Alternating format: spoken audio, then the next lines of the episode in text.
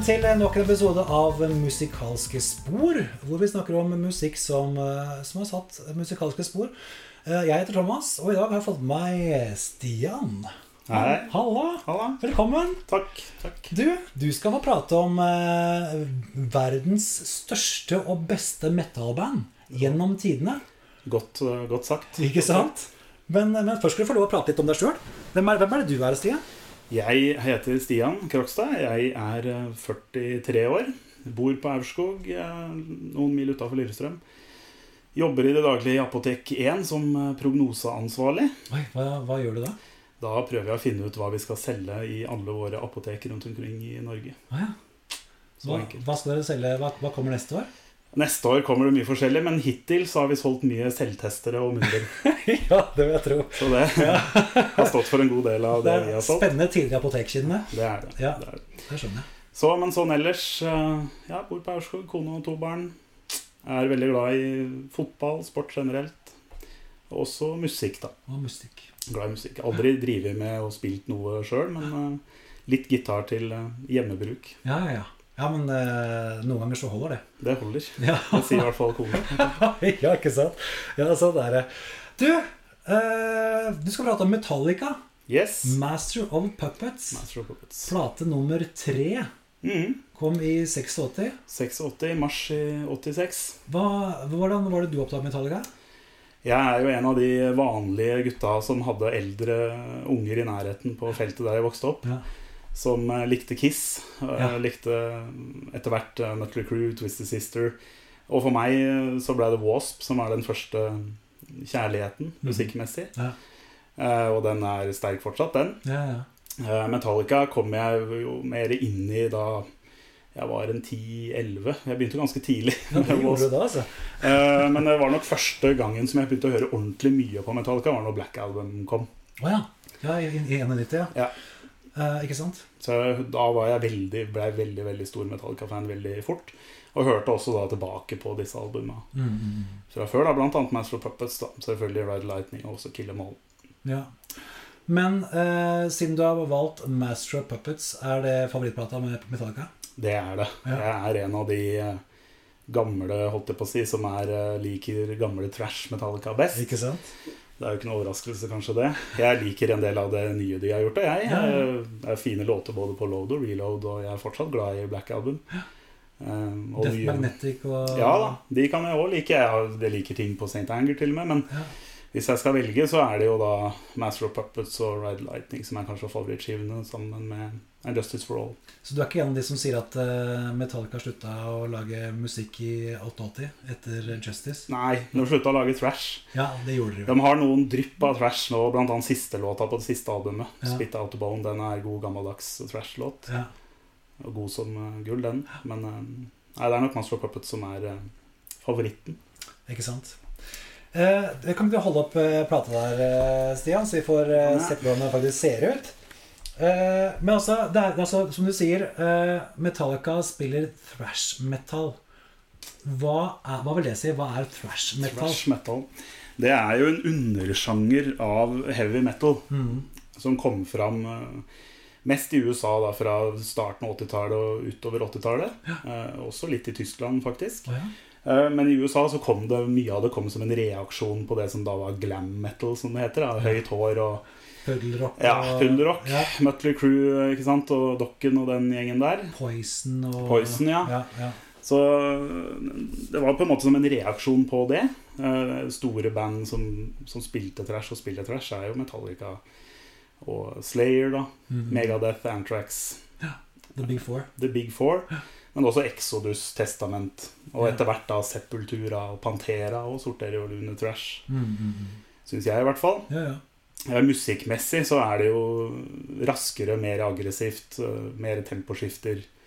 eh, Skrikende vokal. Ikke nødvendigvis noe growling à la death metal, men det er mer det er aggressivitet over hele linja. da ja, ja, ikke sant. Det, det er helt klart. Og ja. Men, men siden du kom inn på Metallica på Black Album i 91, eh, så var det jo ikke umiddelbart thrash-beaten du, du falt for. Eh, eller eh, For da var det jo så Da ble det iallfall stuereint. Mm. Eh, men hva var det som fikk deg til å like det tidligere? Hva var det med soundet på de tidligere platene som du falt for? Ja, Det er jo først og fremst aggressiviteten, at det er raskt. Det liker jeg svært godt den dag i dag. På alt nytt jeg hører på, så er det Det må gå fort. Jeg, jeg vil veldig gjerne at det skal være noe som griper tak i og rister deg til det er ferdig, liksom. ja. Eh, og det er ikke alt det som er Metallica, ikke på Master of Puppets heller. Det er nydelige melodiske partier på flere låter Mm, -hmm. som jeg òg kan like, sjøl om jeg liker at det går fort og raskt. Så, så var det Jeg likte jo Ja, Black Album, da, så var det selvfølgelig da Into Sandman når den kom, så var jo den kjempekul. Men det er vel Sad But True som er favorittlåta mi fra det jeg er helt enig. Ja. Eh, men jeg fant jo ut etter hvert at jeg liker, liker det enda raskere enn en som så, da. Ja, ja, ikke sant. Så da blei det jo Det ble mer Sepultura, Pantera, det ble mer, ja, mer mot black metal og litt sånn, samt thrash, da. Ja, ja. Eh, Debutplata til Metallica kom i 83, 'Kill Em All'. Eh, Og du nevnte jo det at, eh, at thrashen starta tidlig på 80-tallet. Var Metallica en av de som starta det? Ja, det var de. Ja. De var en av de første. da Det var jo flere andre band på den tida, og Slayer blant annet var jo tidlig ute. Eh, Men Metallica og Slayer og for den saks skyld ble jo, de ble jo påvirka av the new wave og British heavy metal, som Ja. det heter. Mm, Eh, Og blant annet av Venom, da, som vi Ja. har her. Ja? Og Motorhead. Ja, for, for, for, Venom var kanskje et av de mest brutale av uh, De- New Wave-banda. De var i hvert fall Hva er det hun sier om musikkstilen til, til Venom? Den er møkkete. Ja. Eh, fra Newcastle, ikke sant? Oh, ja. Industriby. Og det lydbildet til Venom har jo aldri vært Altså, på den tida Hvis du hører på låta black metal, eh, den er ikke, det er ikke spesielt uh, stas. Nei, det er ikke det. Uh, det er en kul låt, men eh, akkurat produksjonen er ikke Ja. top notch. Nei, nei, så det, men Venom var jo kjempestore på den tida, og var Mm. de første som da kunne dro inn litt sånn okkulte ting. Det er, det er kult med geitehuer, og det er kult med pentagrammer og Ja, ja, ja. sånt noe. Eh, og Motorhead, da. Lars Ulrich har jo blitt sagt at det er verdens største Motorhead-fan. Ja? Han fulgte jo Lemmy på turné i mange år ah, ja. i, i England. Flere runder Yes. på turné med, med Lemmy. Men det er jo, altså, i, I 83, da de starta bandet, da var det unge gutter. Når du ser på coveret på Kill Em All-plata, da, da, da ser det ut som de er 14. Ja, Og det er jo nesten 14. Ja, de var ikke langt Ja, unna. det er jo altså da, Dette kom ut i 83, da, så det er jo 82. Ja, de er 19 da når de spilte inn plata. Nei, ikke sant. Så da når, når Master kom, så, så var de da 24-ish. Ja, 23. Og det, de spilte inn altså det Ja, det kan hende vi kommer inn nærmere på seinere, men altså det å spille inn sånne type plater som Ride Lightning og Master of Puppets i en alder av 22-21 år, det er Ja. Ikke sant? For at det, altså, eh, startet med Kill Em All 83. I, i eh, 84, stemmer det, så var, eh, var Lightning, Ride Lightning. Ja. Eh, Ride Lightning og Master of Puppets har jo en del fellestrekk. ja. Hva, men, men hva vil du si er hva, hva, hva hva er det på en måte som er likt, og hva er det som er den største, de største forskjellene på platene? Ja, det er litt artig akkurat det, for det er ikke så lett å finne de store forskjellene sånn kjempestor. Ja, du, du finner noe. Ja. Eh, men da de spurte Det var et intervju fra en med Flemming Rasmussen, som har produsert begge platene. Ja, ja. De spurte han hva, hva var det du tenkte når dere skulle spille inn Puppets. Hva var målet? Det var, som han sa, å spille inn Ride Lighting bare litt bedre. Ja, sier du det? Ja, så, og det er egentlig litt sant. De er, eh, de er satt opp på omtrent samme måten. Ja. Starter akustisk eh, og brutalt med Fight Fire with Fire og Battery på hver sin front. Og så kommer tittelkuttet på begge skivene, og så kommer det Låt fire er en ballade Ish. ish Ja. med Fate to Black og Sanitarium. Og så er det instrumental, Call of Cthulhu og Orion, og så avslutter det raskt da med Creeping Death og Damage Inc. Det er, Så de har samme oppskriften så som ja, det er ganske likt, og det er ganske likt på And Justice for All òg. Det samme Ja, sier det, ja? ja, One er låt nummer fire der, og Ja. And Justice for All er låt nummer to, blant annet. Ja, ja, ikke sant? Så det er, det er litt den samme setupen der, men Master of Puppets har et breiere lydbilde. Det er mer komplekst. Det er enda tightere, da. Metallica har alltid vært, og spesielt på den tida, vært sjukt opptatt av det skulle være tight. Ja. Så tight at Ulrich eh, for en stund siden uttalte at han syns det er for tight. Ja, for det leste jeg. At, Ja. han, at, at hvis det var noe han skulle utsette på plata, så er det at det er- for tight. Ja. Eh, hva vil de si når det er for tight? Tenker du på at det er for tight? Nei, jeg, jeg syns jo det er konge når det er kjempetight, men jeg hører jo at det er Gitarmiksen er innmari høy. Mm. Uh, og, det er, og det er jo Og trommene. Ja. Og, det, og hvem er det som har laga dette? Det er eh, Hetfield Ulrich, og Ja, ja. de spiller trommer og gitar. Så det er ikke noe rart, det. Og på Justice ble det jo enda verre da når Newsted kom inn. Da hører du jo ikke bassen på det første Nei, og, og det, skal, det er mange som, mange som sier at det er det Ulrich som skal ha æren for, alt på å si. At, han, eh, at, at bassen helt er borte der. Ja, det er nok eh, Jeg vet ikke hvem som skal ta skylda, jeg, men den får ta den sammen, disse her kara. ja, det Men det er, det er jo Det er jo gitar, men det er jo gitarbasert. Sånn er musikken er også. Det er ikke det jeg, syns det er fint, jeg. Men jeg skjønner hva de mener. Men det er klart, sånn vil det alltid være. Mm, -hmm. mm. Eh, Lars Ulrik syns jo trommelyden på St. Anger var bra i 2003, men han syns ikke den var like bra ti år etterpå, kanskje. Så Altså, jeg syns ikke den var spesielt bra da jeg hørte den samme året, samme dagen den kom. Så, og, og det husker det var mange som sleit med den skarptromma på, på St. Anger. mm. Men, uh, men uh, det ser ikke å gå så nærmere inn på akkurat det. Men ehm, jeg, jeg, jeg, leste noe om Jo, la oss, la oss først prate om det, da. Uten at dere trenger å, å vite hva, hva jeg tenkte akkurat nå. Men eh, på, på Puppets-plata Altså, jeg, jeg har aldri vært veldig bevandret innenfor tvers, da. Altså, jeg husker eh, mitt, min, eh, mitt første møte med Metallica var antagelig antagelig 88-89. Da var det en i klassen min som uh, introduserte meg med Metallica. Uh, I hovedsak uh, Puppets og Ride Lightning. Han, var, han hadde spesiell forkjærlighet for Whiplash på Kill 'Em All. Så jeg, så jeg fikk en del drypp fra, fra alle fire forspadene. platene. Ehm, da på det tidspunktet så, så likte jeg litt mer soft rock, puddelrock, hair metal-ting. Eh, Så, så jeg må innrømme at jeg, jeg, hørte, jeg klarte ikke helt å forholde meg til mye av dette her. Mm. Men, men, eh, og, men, men det kom vel sikkert også litt Selv om jeg likte, jeg likte jo veldig godt enkelte partier da, som var mer melodiøse. ikke sant? Ja, ja. Starten på, på Ride the Lightning Nei, eh, Fade to Black, blant annet. Ikke sant? Det er jo fantastisk flott. Mm. Og, og det er masse fint her. Du hører på starten på Battery med den uh, intro der, som vokser seg større og større og mer episk. ikke sant? Så, det- så jeg hva, hva ting kunne sette pris på, men, men totalopplevelsen ble for brutalt, da. Mm. Men så, men så kommer Black Album, og så da var det lettere å gå tilbake og, og sette pris på resten. Men, men, men det som jeg jo tenker på i etterkant, med soundet og låtoppbygningen, da, her er jo at det er altså For meg så fremstår det veldig progressivt. For du har taktskifter, kanskje ikke sånn typisk taktskifter som du ser for deg i forbindelse med mye 70-tallsprog, nødvendigvis, men du har altså Du opplever det nesten som stakkato. Mm. Du vet aldri helt altså, du må hø altså Selv når jeg har hørt på det gjennom så mange år, så tar eh, taktskiftene på tittellåta 'Master of Puppets' Jeg blir fortsatt tatt på senga tidvis av de, altså. Ja, er eh, men, men var det en, en typisk greie for, for thrash-metallen? ja, det var jo det. Det er det enda, det. Ja, det er det. Ja. Men så, så, så, så, så det skal eh, ikke bare gå fort og raskt. Det skal også være ofte noe finurlige ja, Noen finurlige vendinger her og der, ja. Det, det, det er det. Uh, Puppets er jo spesiell. Ja. For den er, eh, den er eh, Det er ikke veldig mange låter som ligner på den, eh, rett og Nei, slett. men, men jeg leste at eh, hvis du skal finne en låt som ligner litt uh, i Metallica sin uh, katalog, så er det Four Horsemen. Ja, Four Horsemen fra Kill 'Em All. Ja. Og det har jeg jeg, kan- jeg skjønner hva de mener, fordi oppbygginga er litt det samme med det melodiøse midtpartiet og sånn. Mm, mm, mm. Så, men, men Puppet har veldig mye start og stopp, og, og ikke nødvendigvis alltid vers og refreng og, i vanlige plasser. Da. Der er deg. Så det er eh, Nei da, det er, eh, det er vanlig innenfor Ja, det er eh, thrashen. Det det.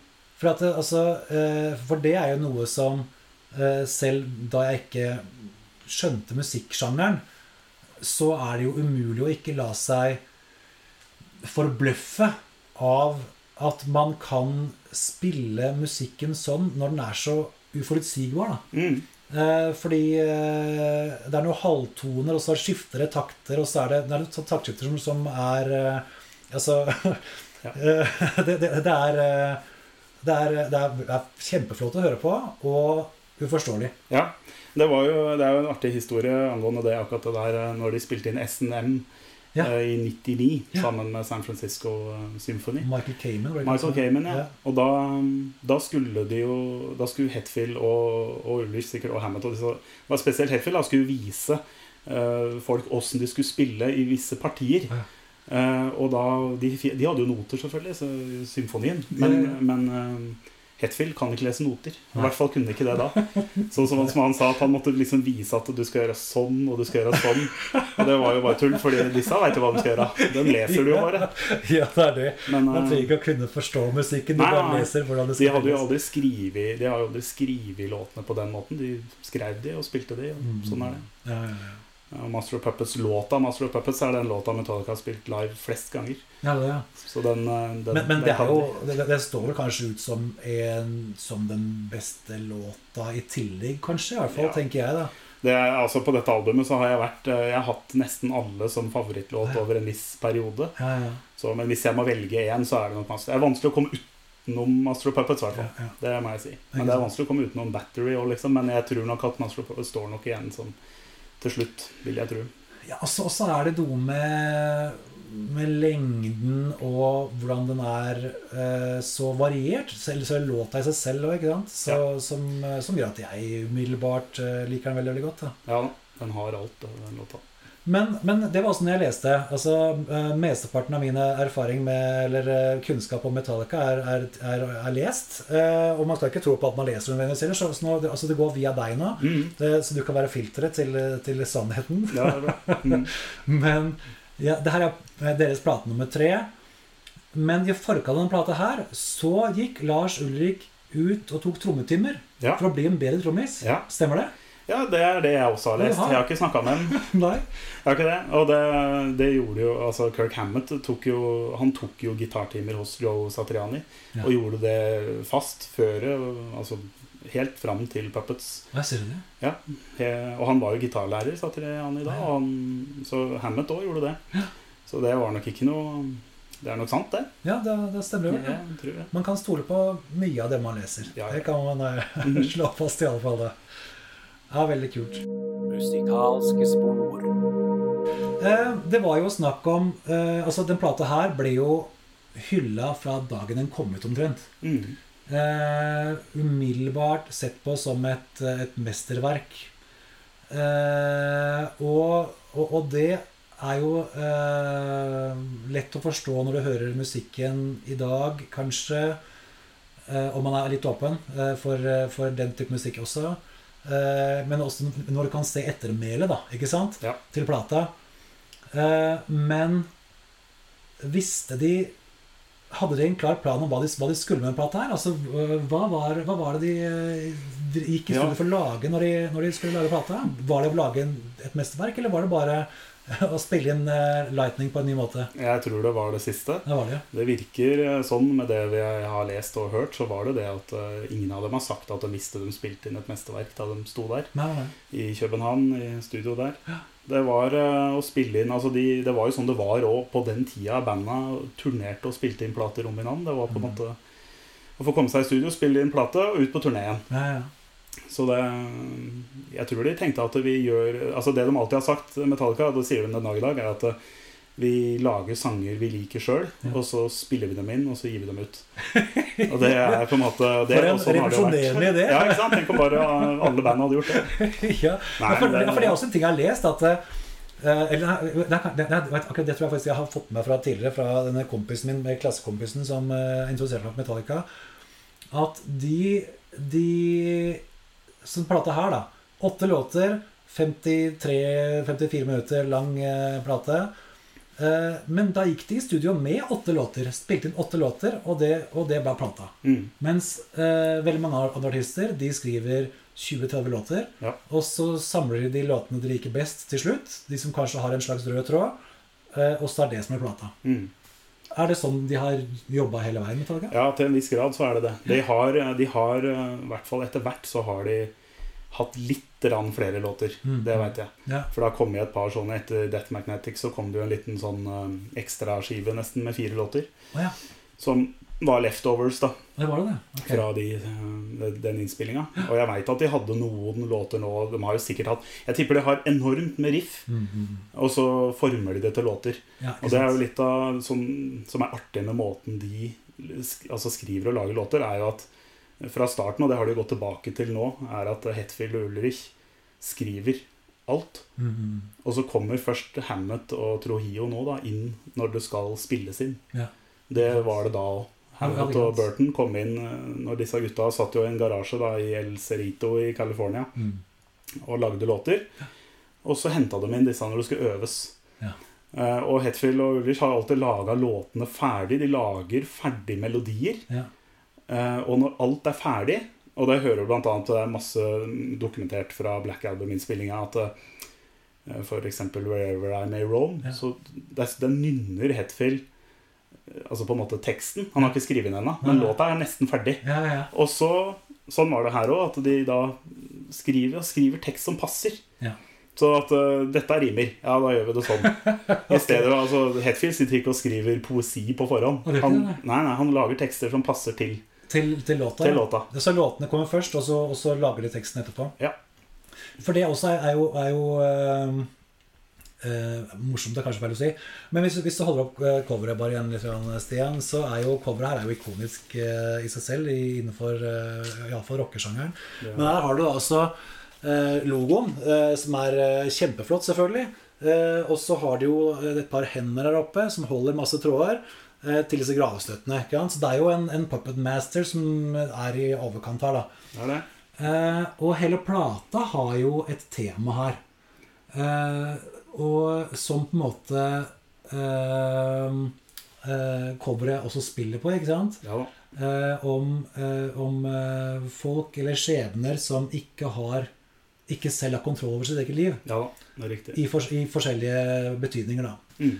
Eh, Så selv om han ikke setter seg ned for å skrive poesi, så har, han jo, har det jo tydeligvis hatt en, en rød tråd på plata. Og en, eh, en klar idé om hva de ønsker å formidle. Det er det. Gjennom, gjennom låtene har Ja, det. ja. Det som er artig, er at han som lagde coveret her, en som heter Dan Broughtingham, som lagde coveret, han lagde coveret uten å ha hørt uh, ei note av plata. Er det sant? Og han visste ikke hva låtene skulle hete og sånn heller, og lagde, lagde cover ut Han, han, visste ikke Han visste tittelen tit- jeg tror han han visste tittelen. Ok, riktig. Det vil jeg tro, ettersom det ser sånn ut. Ja. uh, men eh, det, logoen er jo Hetfield. Hetfield har jo laga alle Metallica-logoene gjennom alle tider. Han er grafiker òg, altså. Ja, altså han, Det var jo det han sier, at hadde han ikke blitt musiker, så hadde han blitt et eller annet innen det. Det det. er han som har designa den eh, stjerna, altså ninja-stjerna, f.eks. Ja, ja, ja. Ja, det er han som har alle, alle logoene. Ja, ja. Men eh, det original-artworket til denne skiva solgte forresten for eh, jeg tror det var 28 000 dollar for ti år, ti år siden Ja. sånn, på auksjon. Ja, ja, Og ja. han som lagde det, han, han lagde også coveret til Dr. Feelgood. Ser du det? Og han lagde The Razor's Edge av ACDC. ja. Yes. Så han var ikke noe ukjent, han. Han var en tungvekter innenfor coverart. Han var det.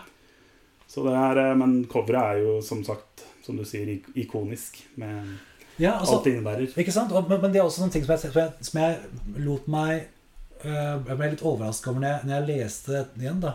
øh, leste om, om øh, temaene for plata.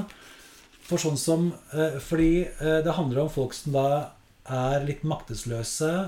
I, sånn som i, i Master of Puppets, at tittellåta handler om, om narkotikamisbruk. ikke sant?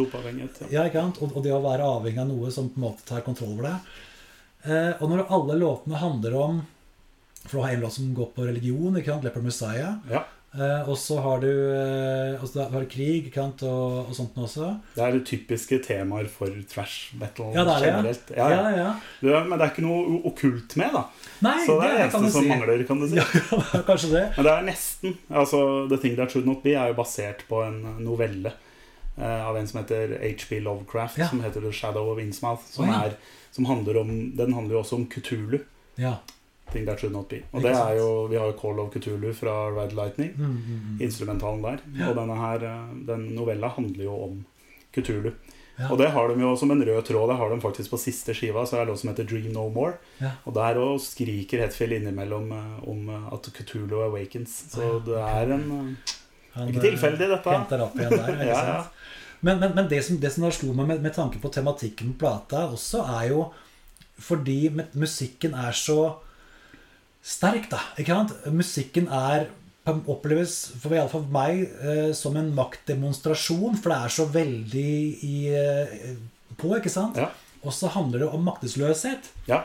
som også er litt sånn eh, eh, ironisk, nesten. da ja, det er nesten litt sånn. men, eh, men, men, også, men igjen, da, også det du nevnte med, med at han ikke var noe poet. eh, eh, Hetfield. Han har jo fått masse skryt for tematikken på plata her, og at Ja. det er veldig voksent av et band på ja, med gutter på 24 år, da, 3-24 år, Ja da. og, Det og, og skrive tekster som dette her. helt klart. Det er imponerende rett og slett da, å se tekstene og dette de har gjort i en så ung alder. Ja, Det ja. er helt klart. Og det er, eh, det er jo ja, masse ros gode tekster. Ja.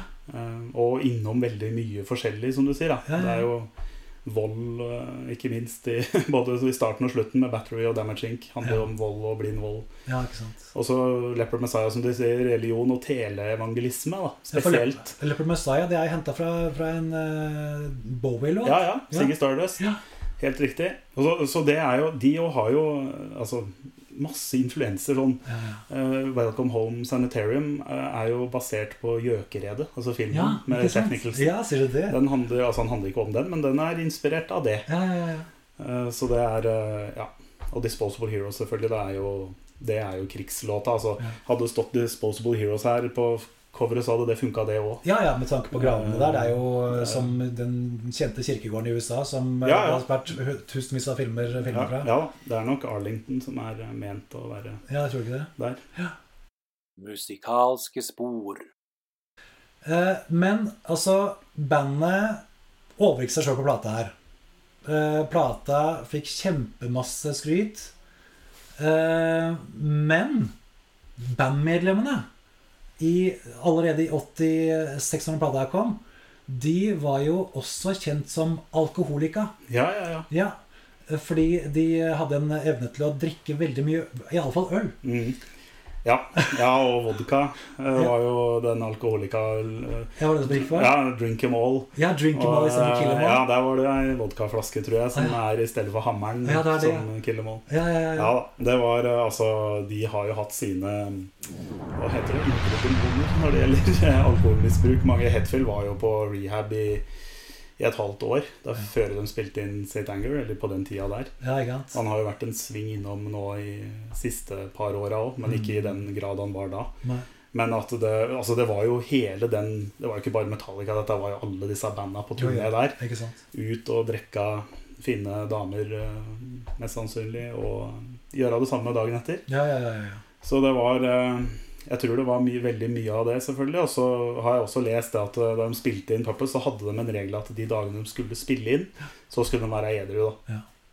Og det, det er nok ikke dumt. Med tanke på hvor tight det skulle være her, Ja, så Når du ser litt sånn som, i eh. Mötley Crew, da, som holdt seg eh, edru da de spilte inn Dr. Feelgood.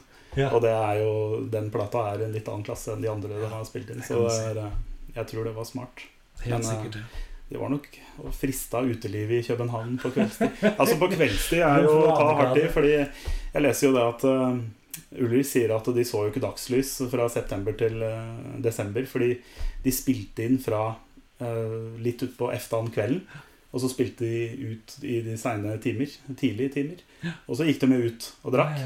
Og så sov de gjennom hele dagslyset, da. Og så var det på'n igjen. ja, ja, ja. Så den føltes ut som den var mørkt fra de kom til uh, Kjøben til de reiste hjem. ja, så kan du sikkert oppleve også. Ja, ja, det var nok det. Men du, eh, en, en annen ting vi ikke har snakka om ennå. Vi har ikke snakket så mye om, om Cliff Burton. Men han har jo også fått mye av æren for musikken til, eh, til Metallica. Mm. Eh, For han han, han, han, var, eh, han var opplært innenfor klassisk musikk, var det det han var? Ja, og i hvert fall veldig interessert i det. Ja. Og, annen, og jazz og annen type musikk enn metal. da. Men, men samtidig, altså, når, når det er i hovedsak Hetfield og Ulrik som skriver låtene, hvor, hvor kommer ekspertisen til eh, Burton inn i bildet da? han var med på mye av arrangementene spesielt, og skrev også en god del av partiene i en del av låtene. Mm Um, ja, Orion, for eksempel. Da, hele midtpartiet der er skrevet av Burton. Å, ja.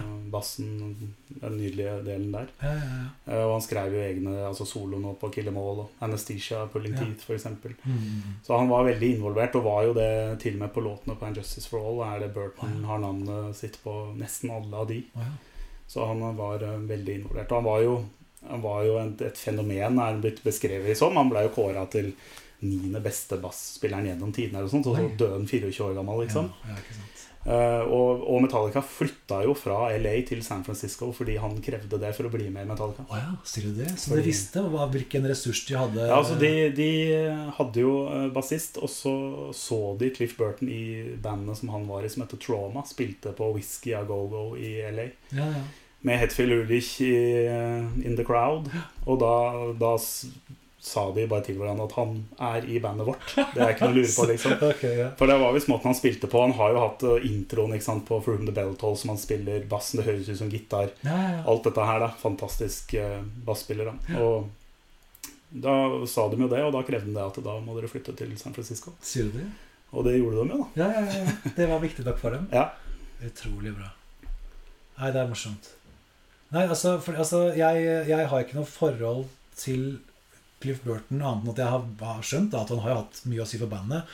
Men han, han kom jo på en måte inn i, i bildet senere i, i, i, mitt forhold til, til bandet, kan du si. det, ikke sant? Ja, ja. Så, så, så, så da jeg begynte å Eller ble, ble kjent med Metallica, så var det jo eh, Black Album, som sagt, og så var det Unjust for All, men da var det jo allerede Um, jeg glemte glemt navnet hans. Jason Newsted. Jason Newsted, selvfølgelig, som, ja. som var uh, i bandet der. ja, og sånn var det jo da jeg begynte å høre på Metallica egentlig òg. Cliff Burton døde da jeg var åtte år. Så Ja. han eh, Jeg hørte ikke eh, mye på Metallica som åtteåring, jeg. Så det, han var allerede borte, han da. Ja, ja, ja. Men han døde jo når de var på turné. Det gjorde han. Var var det på, på turneen på plata? Ja, det var det. det var, eh, altså, Metallica turnerte jo da eh, fem måneder sammen med Ossie Osborn som support for Ossie. Det første de gjorde etter å ha sluppet albumet. Og de slapp jo ikke en singel engang. De dro Nei, rett på turné. Ja, ja. Eh, Master of Puppets var sluppet som singel seinere, men de dro rett på turné med Ossie og tenkte vel at det er like så godt eh, Spotlight som noe annet, det. ja, ja, ja. Og det funka. Jeg tror det funka bra. Eh, og så da på sommeren eh, begynte de å turnere i Europa. Ja. Og så spilte de jo da faktisk eh, i Lillestrøm, som bare er de tre mil herfra. I Skedsmohallen spilte de eh, Å, tenk at fem det Ja, det hadde ikke gjort noe. Det var folk som var der. Ja. Men eh, ikke jeg. Og så kjørte de over til Stockholm. Spilte i Stockholm 26.9. Og så kjørte de jo da skulle de på vei over fra Stockholm og ned til København. Ja. Og da mm, kjørte bussen av veien, rett og slett. Eh, og Burton ble kasta ut av bussen og fikk bussen oppå seg og døde der og da. Men alle, alle var i bussen? Alle var i bussen. Hele bandet var i Hele bussen? var i bussen. Um, og det har jo blitt sagt at uh, altså sjåføren sa at han traff uh, is uh, på veien. Det er jo blitt uh, debattert fram og tilbake, og de aller fleste er jo enige om at det var ikke noe is September? i september i Sør-Sverige. Det er ikke veldig mye is, stort sett. Nei, Um, og, og Hetfield har jo blitt sagt at det gikk opp og ned langs veien. Hundre, hundrevis av meter for å se og finne den isflekken. Da, og fant jo ikke det, selvfølgelig. Og mange sier, eller altså Det har blitt sagt av de som var på plassen, at de spåra der var veldig, veldig sånn at eh, det regner med at han har sovna da akkurat sjåføren. sjåføren. Men han ble aldri dømt for det, og han eh, sa under ed at han ikke hadde gjort det. Mm. Så, men der stoppa jo den turneen, da. Mm. Men der, det er, og det er litt artig, fordi jeg jobba i en periode i et firma som har kontor eh, bare et par mil nord for den ulykkesplassen. Å, Der som? Burton døde. Som ligger ved et sånt, Det var et lite konsertsted eller en restaurant som het Gylne Rasten. Det ligger to-tre mil sør for Vernamo i Sverige. Ja. Så jeg var der en to-tre ganger i året ofte, i flere år, jeg i Vernamo. Og hver gang så var jeg nede hos uh, Cliff, da. Ja, ja, ja. Uh, og der er det en, en gruppering i, i Sverige, fan, Metallica-fans, som har altså fått satt opp en, en kjempefin minnestein, og den er ja, en, en gang halvannen meter, kanskje. Stor og fin, med et bilde av Burton på plassen der han døde. Da. Og der er det altså så mye plekter, flagg, altså fra hele verden. Det er Hver gang jeg har vært der, så er det skjerf og flagg fra Argentina, Mexico ja, og hele Europa. ja, ja. Så det er tydeligvis en Altså det er klart det er en innmari viktig plass i Metallicas historie. Ja, da ja, ja, ikke sant? Det er jo Det er jo umulig å kunne forutse eller tenke seg hvordan fortsettelsen ville vært også, Ja, ja. selvfølgelig. Med Og-. Burton. Altså, kanskje Justice-albumet ville kanskje vært noenlunde det samme. Ja, ja. Men, det, men, men det er veien klart videre, da? Nei, det er vanskelig å si. Um, og det har jo Hetfield også sagt, at han skulle så ønske at de hadde vært de originale fire på en måte som ga ut Killemål. Mm. At de hadde vært de, Ja. og kunne fortsatt. da Den fikk jo ikke den muligheten. Um, og som et bevis da på at tida går, så er det når vi spiller inn dette her, så er det ei uke siden Cliff Burton hadde vært 60 år. Ah, ja, det? Så det begynner å bli ei stund siden dette skjedde. Ja, for da var han 24. Han var 24. Ja? Og han var eldst i bandet. Var han det ja? Og det er også litt sånn eh, Derfor han ble lytta til, og tror jeg at eh, jeg tror både Hetfield og Ulrich og de andre også så opp Så. Så veldig opp til han, da. Mm, mm, mm. At han var eh, en litt annen type og var veldig sjøltillit og veldig Ja. Jeg tror nok det at han var litt sjefen kanskje ei stund. Ja, ikke sant. Ja, tenk det, altså. Nei, det er eh, Men altså, de, de, de fikk jo fortsette. og Det, det er klart, det var jo Selv om de hadde kjempesuksess her, så hadde de jo Det store kommersielle gjennombruddet kom jo da selvfølgelig med, med Black Album, eh, hvor de tok en litt annen retning, og så eh, ble de kjempestore. Og over natta nesten så var det jo eh, verdens mest kjente Ja. Det går an å si, det. Ja, det var de og Guns N' Roses eh, et par-tre i år ja, i alle fall, som, som kniva hvem som Ja, var var det. beste. Og de var jo på turné sammen nå, Ja, det det. begge to. Og det var jo litt artig der jeg kommer fra. På ungdomsskolen der så var det sånn enten så var det Metallica, eller så var det Guns N' Roses. Sier du det, ja? Eh, Og heldigvis for meg, da, så, og det er vel som å banne i kirka til noen, der, så har jeg aldri likt Guns N' Roses. Oh, ja. Så for meg så var ikke det noe vanskelig å velge. nei, nei, nei. Men uh, Det litt, det var sånn da. det er litt Beatles og, og Stones. Ikke sant? Ja.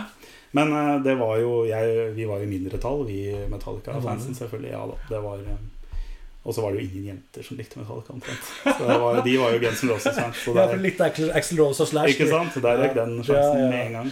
Ja, det, det, det, så, så, du burde nesten bare sagt ja, Jeg liker Guns N' Roses. Det er ganske kult, egentlig, bare for, for, for, for, for å kunne få damene med på sin side, iallfall. Ja, Ja, ja. ja, det er klart. Ja, det er men, da måtte, sent. men da måtte jeg ha hørt meg på Guns N' Roses. Hvis du ikke var noen fan av Guns N' så var det ja, kanskje ikke verdt det liksom. Nei, nå må du Det er vanskelig. Ja.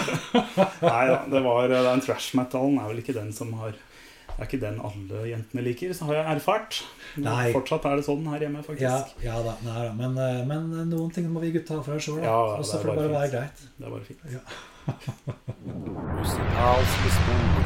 Um, igjen, da, for å komme tilbake til ting jeg har lest. mm. Man kan lese seg faktisk så mye, mye, så mye bra.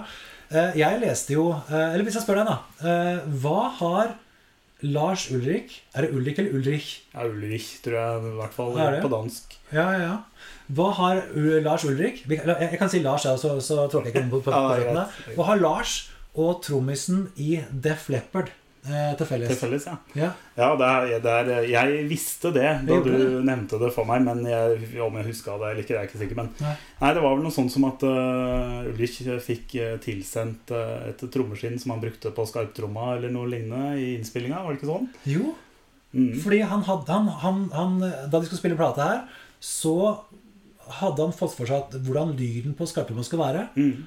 Og det var et sånt spesielt eh, skinn. Jeg har skrevet opp her hva, hva, det, hva det heter. for noe. Det het Ludvig Black Beauty Snare, Ikke sant? som denne tromma het. Eller trommeskinnet, da. Ja. Ludvig Black Beauty Snare. Og det var den lyden han ville ha på plata. Og eh, han visste at trommisen i, eh, i, i Def Leppard, eh, som heter eh, Rick Allen Mm. Han hadde det, det trommeskinnet, Ja. så han kontakta Rick og sa Kan jeg få låne det trommeskinnet. Ja. Og det fikk han. Men, ha, men har du fordi at, Og greia var det at eh, da var jo han akkurat vært i ulykka, ulykka og Ja. mista armen. Ja. Så, de, så han kunne ikke bruke det sjøl akkurat på den tida der. For han måtte øve seg og lære seg å spille tromme med en, arm. Men, men har du noen gang klart å høre at det er samme skarptrommelyd? Nei, nei, jeg må beklage det. Men eh, Nei, jeg har ikke det. Men så har ikke jeg hørt så mye på Def Leppard heller. Så jeg har, hørt, jeg har hørt Def Leppard. Det har jeg har til og med vært og sett dem eh, live. Ja, ja. Men eh, nei, jeg har ikke det. altså Jeg kan ikke si det. Men, men det er jo sant. Ja, og Det, det er kjempemorsomt fun fact. Ja, det er det. En av de Og, morsomste. og han Ulrich han blei ble jo kjent for å bruke tid på trommelyden etter hvert. Og han, for de brukte vel Jeg tror hun brukte seks uker jeg, på ene trommelyden på innspillinga til Black Album. Da Nei, når Bob? Rock kom inn. Oh, ja. Uh, og trommel, altså, trommene eh, fra Black Album-innspillinga, den er det jo eh, folk som låner den dag i dag. Håper jeg, ikke sjølve trommene, men lyden. Og sier du det? Fordi Men er den så spesiell? Jeg har ikke tenkt på den så ja, spesiell. den er jo vanvittig godt produsert. Altså Ja, ja, ja. Black Album er jo i særklasse der. Mm, mm. Så det er fortsatt noen som låner det uh, den dag i dag. Men eh, nei, det var eh, Det er jo artig med, med Ulrich. Det, det er jo noen som sier til meg at har, De sier jo at han ikke er den beste trommisen i metallverden. Nei, nei, Og det er, jo, det er jo sant. Det har jeg skjønt uten at jeg er noen trommis. Men det er jo også noen som sier at han ikke er den beste trommisen i Metallica. Så Hvem det måtte være, er ikke, er ikke, så klart, kanskje? Nei, nei Hetfield kan spille trommer Ja, men, eh, ja, men jeg, for meg, da, for å ha sagt det, så er jo Lars Ulrich Han er så viktig for Metallica. Jeg har, jeg har sett eh, Jeg har ikke sett det live, men det var en to-tre ganger som han, han har måttet kaste inn håndkle pga. sykdom. Og da har de henta inn bl.a. på Donington en gang, tror jeg, så spilte Dave Lombardo da, fra Slayer, som da er the godfather of double det? spilte litt av et sett. Og så spilte Joey Jordison, da, som, som jo gikk bort i, før jul i år, var det vel? Trommisen i Slipknot. Ja, ser du det? Han spilte resten. Okay. Og det er ingen tvil, og ingen som diskuterer at ikke de to gutta er bedre trommiser enn Lars, Lars Ulrich. Nei, nei.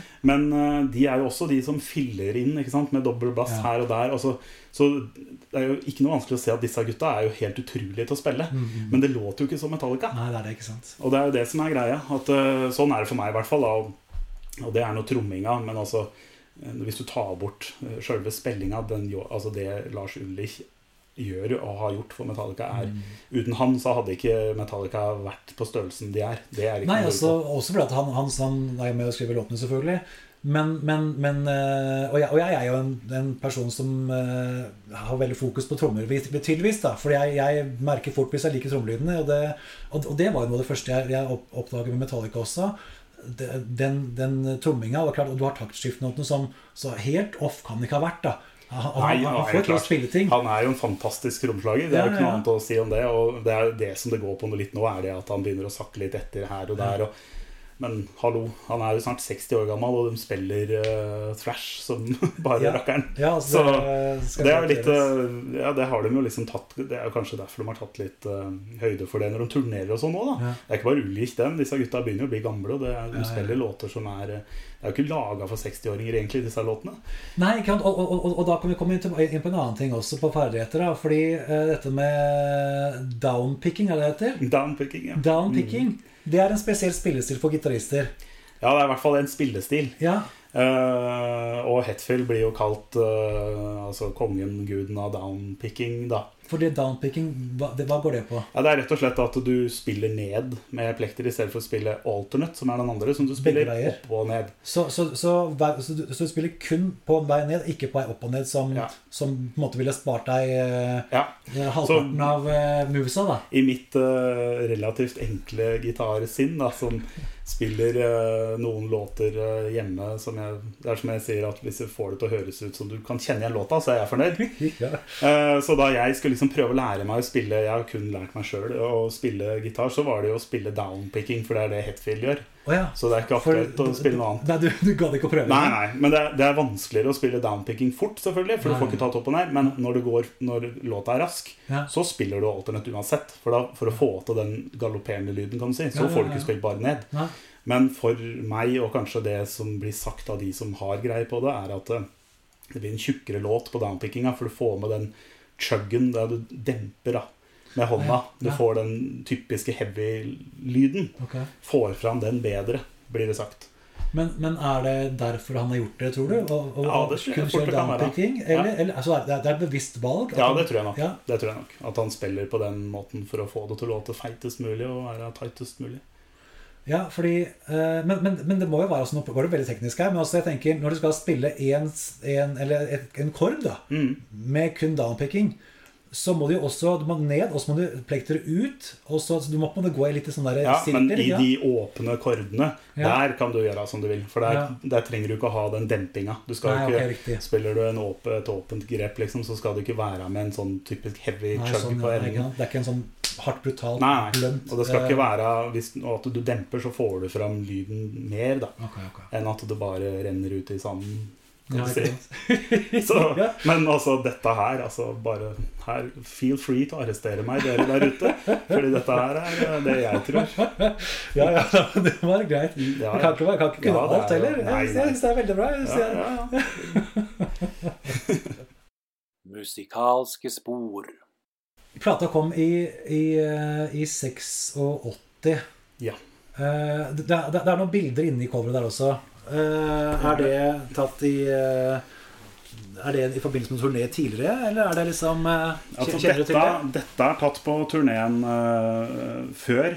Ja, okay, okay. Rett før. Og her, det, det leste jeg faktisk i dag, at det bildet av Hammett som er her, det, Mhm. det er tatt eksakt i uh, en fan har kasta en sandwich på gitaren hans.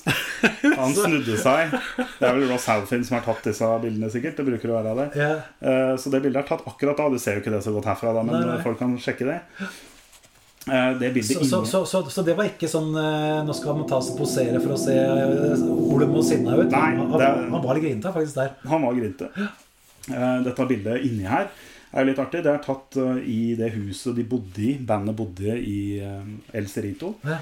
Eh, Der de også hadde den garasjen utafor, som den legendariske garasjen, der de har skrevet nesten alt av låtene. Ja. Der, der. Der hadde de for ja, Tida går så fort, men uh, si seks-sju år siden da, så hadde de en samling der i det huset. Altså det, det er jo folk som bor der nå. Ja. Men de fikk komme dit og hadde alle nåværende og forhenværende medlemmer av Metallica var der som ville komme. Jeg tror til og med Dave Mustaine var der. Ja. Oi, sier det? Ja, og de hadde besøk av eh, John og Marsha Sasula, som for de som ikke kjenner de, som eh, drev Megaforce Records, som var de som satsa på Metallica. Fra starten. I, og de drev jo det fra New York. Eh, De døde begge to nå i løpet av siste året, faktisk. Ah, ja. Så det er på en måte litt sånn æra som er over der. Men uh, denne garasjen, da, der som de har spilt inn alt dette, den skulle rives nå for noen få år siden. Og da fikk altså Metallica Hetfield fiksa sånn at eh, det har blitt bygd en ny Explorer-gitar til James Hetfield av materialer fra denne garasjen. Så han, og den bruker han live nå. Gjør det, ja. Ja, han, Det er, eh, det er, det er god, godt bevis på, på gjenbruk. Ikke sant? Og Ja. det, det er jo det de Ingen er. som kommer og sier at ikke Metallica driver med gjenbruk. Det også er de gode på. Så det, ikke sant? ja, ja. Tenk det, altså. Men du, altså eh, eh, Trash i 86 ehm, Det var ikke bare Metallica som drev med det. det, var, det, det 86 var rundt den tida der som, som eh, Selv om veldig mange av resten av verden hørte på som vi var inne på, pullerrock og, og hair metal, eh, så var det en, en stigende greie med thrash. Det var det. Særlig kanskje i USA, da. Og i 86 spesielt da, så er det jo sånn at uh, bare, bare noen måneders mellomrom så kommer da Master of Puppets og, og Rain in Blood av Slayer ut. Som av mange, inkludert meg, eh, er blant Altså kanskje de to beste thrash-albuma Ja. eh, gjennom alle tider. Og komme ut da samtidig. Eh, Anthrax ga jo ut eh, noe vel i 87, og, og, og Megadeth kom også med ting i 86, så det var et stort år, da, må jeg kunne si det. Og, og, stor konkurranse mellom disse banda. Eh, og det så jeg jo faktisk og hørte om før. De, de Big Four, da. Ja, ja, ja. Metallica, Slayer, Megadeth og Anthrax. De, de var jo på turné sammen i 2010 og 2011. ja, eh, Da jeg så dem i, jeg så dem i Göteborg da. ja. Og det var jo stas da å få høre nesten fulle sett av, eh, av både Anthrax og Megadeth, og fullt sett av Slayer, og så fullt sett av Metallica etter det. ja, ja. Og da var det jo Det var ganske kult. Da spilte de altså fra også, Ja, så de spilte fra sju til jeg tror Metallica var ferdig litt før ett på natta. Og da, da var jeg jo ikke så gammel som jeg er nå, men eh, ryggen var ikke 100 etterpå da. Det er, men det er tøft nok bare å stå igjen med én konsert, nesten. Ja. Og da hørte jeg jo eh, under turneen der at de, de konkurrerte jo da òg. Gjorde det? Ja, det var jo ikke noe tvil om hvem som altså På denne tida så var det jo ikke sånn definert at Metallica skulle bli størst i 86. Da mener de, nei, ikke sant? Nei, men eh, sånn som det var nå, så er rangstigen ganske grei at Antrax spiller først. Megadeth, Slayer, Metallica. Mm, Så det er jo ganske kurant, da. Men uh, sånn som Antrax er jo veldig fornøyd. De spilte jo på stadioner da for 70 000. Ja, ja, ja. Ikke sant? Så det er ikke så dumt, det. Men uh, fortsatt da så var det om å gjøre da å levere det beste settet, da. Ikke sant? Slayer går ut og herjer, og så skal Metallica følge opp det. Så, Ja, men, altså, men, men, men var det altså, det, det var spekulasjoner, selvfølgelig. Var, det, var folk der i hovedsak for å se alle banda? Eller var det også mange som var der for å se ett av bandene? Er, det sånn at hvis, man, hvis du liker thrash, så setter du pris på Anthrax, Megadeth, eh, Slayer og Metallica? ja, ja. Ja. Og, det, og sånn hadde det vært altså Metallica fyller Dette var på Ullevi i Göteborg. Mm. eh, og Metallica fyll, fyller jo Ullevi uansett. Ja, ja. Eh, 60 000 ca. Det har de gjort mange ganger. svært, Ja. Jeg har vært der og sett dem flere ganger, og de fyller hver gang. Så det er ikke sånn at de trenger drahjelp av Antrax for å fylle Ullevi. Men, men eh, det er helt sikkert folk der som eh, er lei av Metallica, som nå har lyst til å høre Megadeth og Slayer, liksom. Mm. Eh, Jeg har jo hørt Slayer live mange, mange mange ganger, og drar gjerne til Sverige for å høre de. Så Mm. det kunne jeg gjort.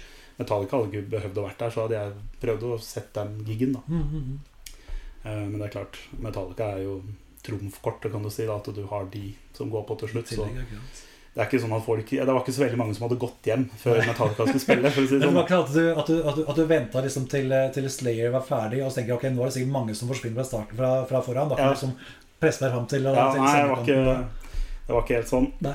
Men det var, eh, nei, det var stas. Det var veldig moro. Bare det å få høre disse bandene på samme konserten er jo helt fantastisk. Ja, ja, visst, visst. Må jeg si. Jeg husker eh, jeg, jeg har sett de to ganger. Første gang var jo da i Spektrum eh, på Black Album. Eh, en av de morsomme tingene jeg, som jeg husker fra det, var Tilbake til Ulrik, da, og, eller iallfall Lars. La meg kalle ham Lars fortsatt. Ja. Eh, fordi da, da sto jeg bak noen eh, karer, unge gutter, eh, tenårige kanskje til tidlig 20-åra. Og, og, og to av disse gutta var tydeligvis trommiser, da, ish. Ja, Fordi de, fordi, for de sto og spilte trommer i lufta riktig. til alle låtene. Ja, Og så var det en kompis av de igjen, eller kanskje ikke var kompis, men i hvert fall en som sto bak de. Og la merke til, så Hvis du kan se fra det da Først de trommisgutta, Mm. og så en annen fyr som sto enda, enda lenger bak. blir tomt. Blir, ja. og, så, og så sier han det. Han prikker på skulderen. Det, det var så sykt kult å se på, for at eh, de, sto, de, for de spilte så eh, synkront. da Ja. For de, for de fulgte liksom tromme, trommegreia til, til Lars. ikke sant? Og, og i alt dette her eh, vanskelige greiene også som han spiller. ikke sant? Eh, ting og tang, så, men, men de var liksom så synkrone da, i måten de spilte på, eh, at, at eh, en skulle liksom tro at de hadde øvd på det. da, ikke sant? Ja, ja. Det var nesten boyband-versjonen av, eh, av trommer. Ja. Eh, bare at det, så det var tydelig at de, de, de, hadde, de hadde tydeligvis øvnet det- den rutinen der. ja, de kunne det, liksom. Ja, ja, jeg er Nei, men. Det er tungt å stå først ved railsen. Det er bare som en digresjon. Så var jeg jo på Slayer-konsert, den siste de spilte i Spektrum. Ja. Eh, og det var etter 40-årsdagen min, og da hadde jeg fått eh, meet and greet med Slayer i 40-årsgave. Som var jo en drøm som gikk i oppfyllelse, selvfølgelig. Selvfølgelig. Da passa jeg på å spørre Tom Araya om ikke han ville være med i mitt band. Ja. For jeg har jo ikke noe band. Men, så jeg sa til ham at du, det er ikke noe turnering. Det er ikke noe innspilling av noen ting. Nei. Men du er jo altså med i bandet mitt. Og det vil han veldig gjerne. Han ikke noe problem, for det var jo derfor han ville slutte. Ja, ja, ja. Han ville ikke turnere mer og spille inn mer. Så du er i band med Tom Araya? Ja, rett og slett det. Men da, da, vi, da var det sånn at de som hadde vært på meet and greet, de kunne gå inn først i Spektrum. Så da var det tre stykker av oss som kunne gå inn. Det var meg, og det var to gutter som var 19-20 år gamle. Ja, ja. Og da, da vi sto foran her, så var det, da skjedde det to ting som fikk meg til å føle meg gammel i løpet av kun kort tid. Det er ikke det gøy. Nei. Og da var det første at de eh, spurte om jeg hadde vært på metallkonsert før. Og da Ja. sa jeg ja, det har jeg. Og da spurte de meg har du sett Metallica. Ja, det har jeg gjort. Ja, Har du sett dem flere enn én en gang? Ja, jeg har sett dem 21 eller noe sånt. Oh, ja. Og så hadde jeg da sett Slayer 10-15 ganger. Og så kunne liksom si at jeg har sett de og de og de og de. Ja. Og da var de helt fra seg. og Det var jo så stas. Ja, ja. Det var, det var som å møte royalties. Ja, ja, jeg var, følte meg gammel, selvfølgelig, noe som var sant. Og så hadde jeg med meg en, eh, en kompis der, og så sendte jeg melding til han, for han sto ute og venta og skulle komme inn. Og så da ble vi enige med at nå skal vi stå først. Ja, ja. Nå skal vi stå først. Ja, ja. Og da var, da var det Anthrax Ja. skulle spille, og så skulle Slayer spille. Mm. Og da stelte jeg meg først, og han kom inn, og det gikk 27 sekunder. Så var det sånn Dette orker vi ikke. Det går ikke. For da begynte, da begynte pittene å gå, Ja, og det var full ja, rulle. Ja, ja. Og da var det kjørt. Så da var det bare å finne plassen sin litt lenger bak, da. Det er liksom behagelig. Ja, så det er der jeg har blitt. Jeg, har, jeg skal jo se Metallica til sommeren Ja. i København, oh, ja. på Copenhagen. Mm, mm. ø, Og håper veldig at de da skal ha Snake Pit igjen. Fordi jeg har sett dem en gang som jeg har stått i pitten. Oh, ja. Og det var kjempeartig, rett og slett. Men, men det er ikke, det er ikke moshpit på samme måten der? Nei, altså Da er scenen forma som en, et triangel. ja. Og så går gutta da på sida, og da går de så nære at hvis du legger armen sånn på scenen, så tråkker de på hånda di. Ja. Og det er greit, da. Du Det får det til å stå ja, ja. Ja. Nei, men da står du jo så nære. Eh, og det er Lyden er ikke like god som altså, Men all lyd er jo bedre enn å stå baki på en festival. Så jeg håper at vi kan få til uh, at jeg kunne få For der er det sånn du må prøve å vinne billettet til det gjennom fanklubben. Men siden jeg har vært medlem av den i så mange år, da, så får du visse fordeler. Er du når skal- jeg ikke, nei, jeg har ikke blitt det ennå, men jeg tror det er 20 år nå i den uh, Metallica-drevne klubben nå i år. eller noe sånt. Så det begynner å bli en stund, da. Ja, ja. Men du har sett bandet 21 ganger? Ja, jeg tror det er 21. Ja, det er pent, ja. Jeg så dem jo i Berlin på 20-årsturneen, eller jubileumsturneen til Master of Puppets Å, ja, i 2006. Og det var altså da 6.6.06. Ah, perfekte metalldato. Den er fin. Ja. Number of the Beast. Eh, og da spilte de Puppets i sin helhet. Midt, midt i settet. Og midt i settet Midt i settet, ja. ja. ja. Så det var eh, veldig stas, rett og slett, Ja, det det. må det ha vært det, da. Så det Nei, det er veldig, veldig morsomt. Du, eh, da tror jeg ikke jeg har noe mer spørsmål om Metallica, rett og slett. Eh, Stian, jeg syns du, du har svart godt på, Det er på spørsmålene mine. For kritikken hagler. ja, ikke sant? Men, eh, men eh, nå har du jo nevnt en, noen andre band du har hørt på, selvfølgelig. Du nevner Slayer og, Megadeth og Anthrax. Men hva, hva, hva er det du hører på av annen musikk? Du, du, sier- du, du, Ja. du, du sier at det må være uh, raskt. Det må være raskt. Nei, du vet, dette er sånn eh, Jeg hørte jo Anders snakke i, i Zeppelin-episoden og si at han sjøl var bakstreversk hva musikksmak angår. Yeah. Og jeg kan jo stille meg eh, i den samme linja der. Ja. Eh, Det er for mye. Altså for mye. Jeg elsker jo denne musikken, jeg, så det er ikke det. Men jeg hører veldig mye på Judas Priest, og Maiden kan jeg høre på. Jeg hører mye på Sepultura, Pantera. Mm. Men av nytt, altså nytt Ja, ja. Det nyeste bandet som jeg liksom har funnet, er vel Gojira, Ja. tror jeg. De har jeg hørt på fra de var små. ja, ja. Uh, og skulle hørt dem i januar. Det ble ikke noe, bare flytta til i sommer. Men jeg har billetter så jeg skal høre de i Spektrum. Mm. Og så skal jeg da på konsert i morgen. ja. Uh, det er et norsk band som heter Sibir. Som jeg har uh, rett og slett blitt veldig glad i. Det er, de, er, uh, altså det er, de spiller noe som de kaller blackened hardcore.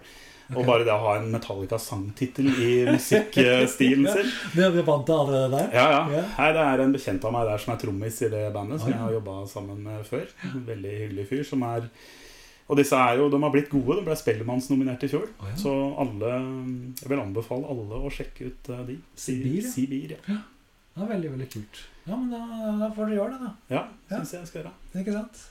Ja, men eh, Stian, jeg har ikke, noe, jeg har ikke mer spørsmål til deg. Selv om jeg skulle ønske jeg hadde det. For det her var veldig trivelig å sitte og prate Metallica med deg. Ja, ja. Der er jo min fortid også. Ja, ikke sant? Det er topp, det. Det Ja, er flere Metallica-album. ja, ja det er så mange Metallica-album. Vi, kan- vi, vi kan komme inn på det senere en gang. Det går an. Ja, men du, Takk for at du ble med. da. Bare Vi snakkes, da. Det gjør vi.